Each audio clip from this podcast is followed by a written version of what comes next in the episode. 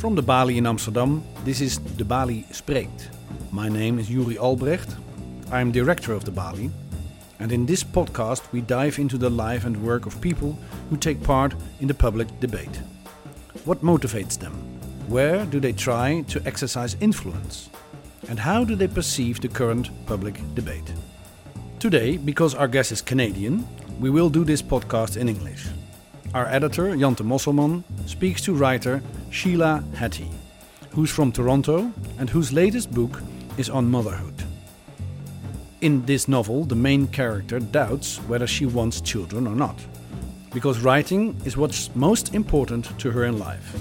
This is a conversation about motherhood and the critique that fell on Heti after the publication of her book. Critique that was often personal, aimed at the writer instead of the characters from the novel.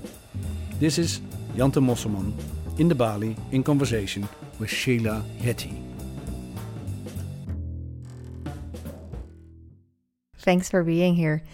Um, and I also want to ask you first when exactly did you decide that you were going to write this book? Um, I decided in 2013. Uh, I was actually on tour, much like I am now. I was in England and I was talking with my editor, and everything sort of just came together in that conversation. All these thoughts that I'd been having of maybe I want to write this book, maybe I don't.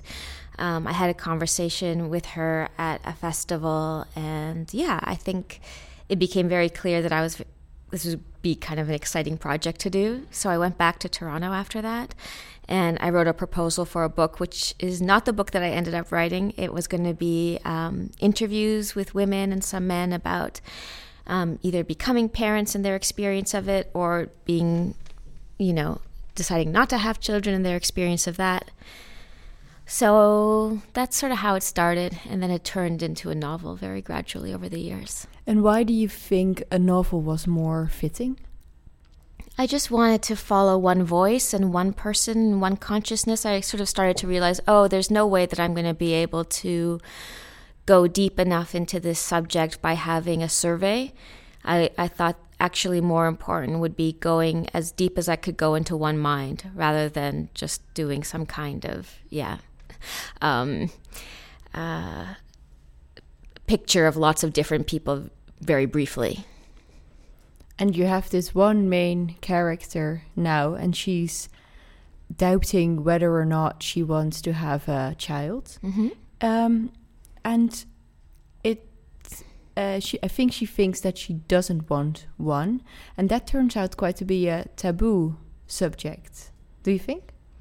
Um, it's just hard for her to be certain because everyone makes you doubt that. If you say you don't want a child, there's a lot of desire to sort of you know, if you say, I don't think I want a child, people don't say, that's great. You know, there's maybe you'll regret it. Who's going to take care of you when you're older? You're going to change your mind. People want to confuse you and sort of lead you away from that. So it takes a lot for her to sort of come to the reality of, of, uh, of that feeling, to, to, to sort of accept it and to say that it's legitimate. But I mean, though that's the subject and matter of the book, I kind of feel in some way the book is about just making life choices in general. How how hard that is to shut out other lives to say I'm only going to lead this one life and not any other. Um, yeah.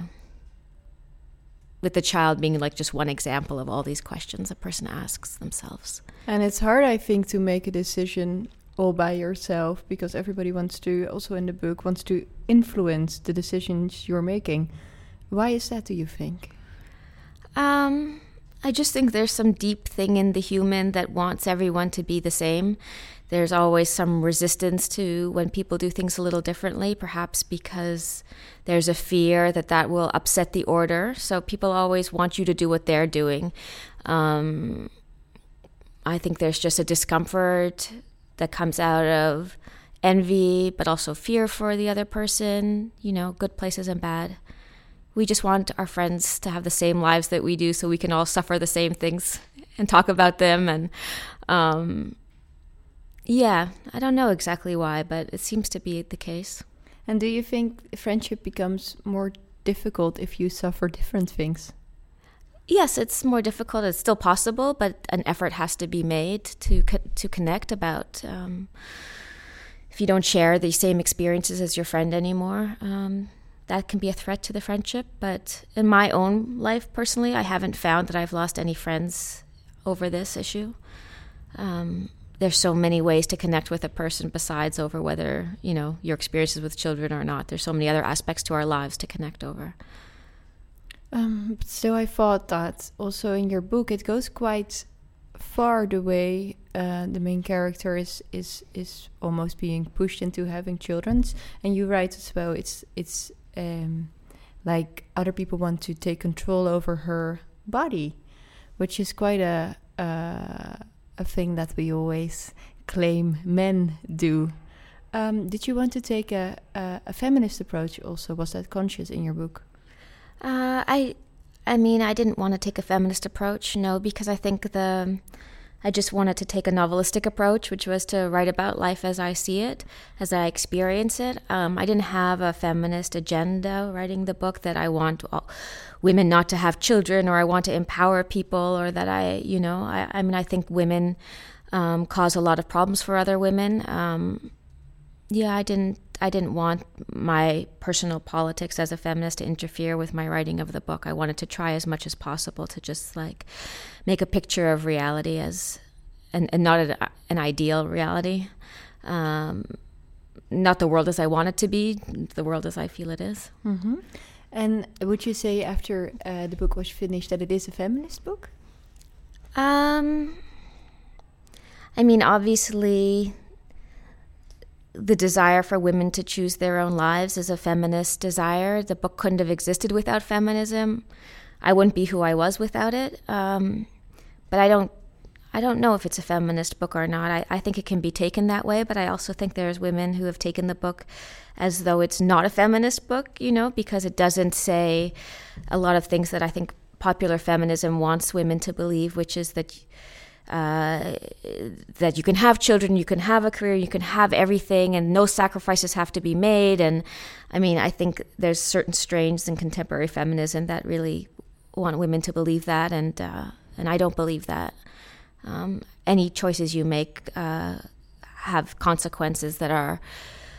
Imp- you know that that that interrupt other things in your life. You can't you can't make a choice that's all good. You know, choices are good come with good things and they come with difficulties too. And I think childbearing is one of those for sure. Um, I mean, my own mother was a doctor and, and very engaged in her work and, and, and didn't really have the space or the time to be a, um, as um, present a mother as she wanted. So I saw in my own life. You know, there's there's consequences and sacrifices, but I mean, obviously, we should be able to decide what those are for ourselves. Mm-hmm. You know, what we want, what we're willing to give up for other things. And still, I, I, I felt reading your book, and I also realized in a way that it used to be you can't have it all, and then it sort of turned into you can have it all. But now you also describe it almost as you have to have it both. You have to do it both, have and a career and children. Do you think that's the case? Um, I don't know. I I think some people want everything that they they imagine is good. For me, I've always tried to live in a different way, which is what's the thing that is the most important to me? Um, and I only want one thing, and everything else can kind of fall around that. Because I think that it's an it's already so much to try to have one thing rather than two, three, four, five. You know, one thing is hard enough in life. Um, so that's always been the way that I've tried to live. After um, your book came out, uh, there was a lot of uh, criticism also, mm-hmm. and it was also personal. Can you tell me how what that was like for you? Um, it was it was unpleasant. Um, I think that um, though a lot of people took the book as I wrote it, I think a lot of people, a lot of women, um, were unhappy with it. Um, they felt that I'm not exactly sure what they felt different things. Um, I tried not to brood on it too much. That's always going to happen with a book that um, especially if you're writing something that people have such a deep personal stake in, you know, as motherhood. Um, you're always going to say things that other people don't believe or would rather you not say. Um, I think some people felt that I was saying that you can't be a mother and an artist, which is not at all what I think. Um, of course, you can, I've seen it, people can do it. Um, but in my book, the character chooses to not have children because she doesn't want them. And part of the reason that she's afraid to have children or that she doesn't want children is because she does just doesn't want to give the time to it. It's not important enough to her. And I think some people took that as a criticism of their choices. Um, of course, it's a novel. It's this is one character's decision and one character's thinking through. So I feel like the book was often interpreted as um, an essay, Mm-hmm. and it's really not. It's it's one person's mind, and I wanted to show how hard it is to think about this because we don't have a language for thinking this question through. It's such a new question in the history of humanity. We've never been able to choose reproduction until so recently, and there isn't a history of literature that that helps us understand what the consequences are to choosing one way or the other. We also don't really know. Um, yeah, what are we supposed to think about when we think about this question? So I tried to put all that down. Yeah. Um, and did it happen also with your other books that people mistaken uh, the main character in the novel for you, or is was this a new thing? Well, the last book was uh, How Should a Person Be? And the character's name was Sheila. So um, it's a fair uh, confusion. I don't mind the confusion. I sort of like the game of it a bit. Um, obviously, it's a character, it's not me, but it's a character that's close to me.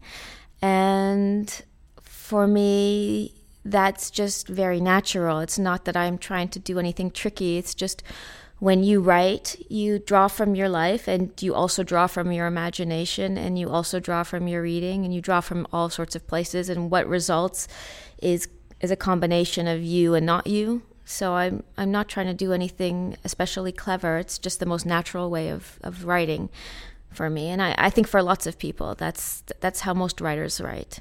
And is that um, why criticism of your book is always also very personal? Um, probably, I, but I want the reader to feel not that they're looking at something invented, but that they're in, encountering a person. I mean, I think a book should work the way that an encounter with another human does. So I do want the books to feel like here's a person, not here's um, a story.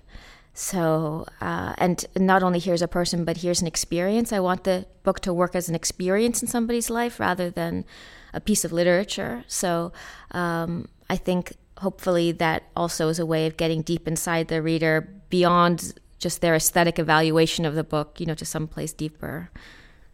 You want to uh, them to feel along, maybe. Yeah. yeah. I wanted to kind of like infiltrate their brain and like their thoughts and their life and the way they they think about their own life rather than just think while they're reading the book, well, here's something sort of far away from me that I can look at objectively. I wanted to sort of go get inside their thoughts and and cause new thoughts and and be yeah, just be an experience really, you know.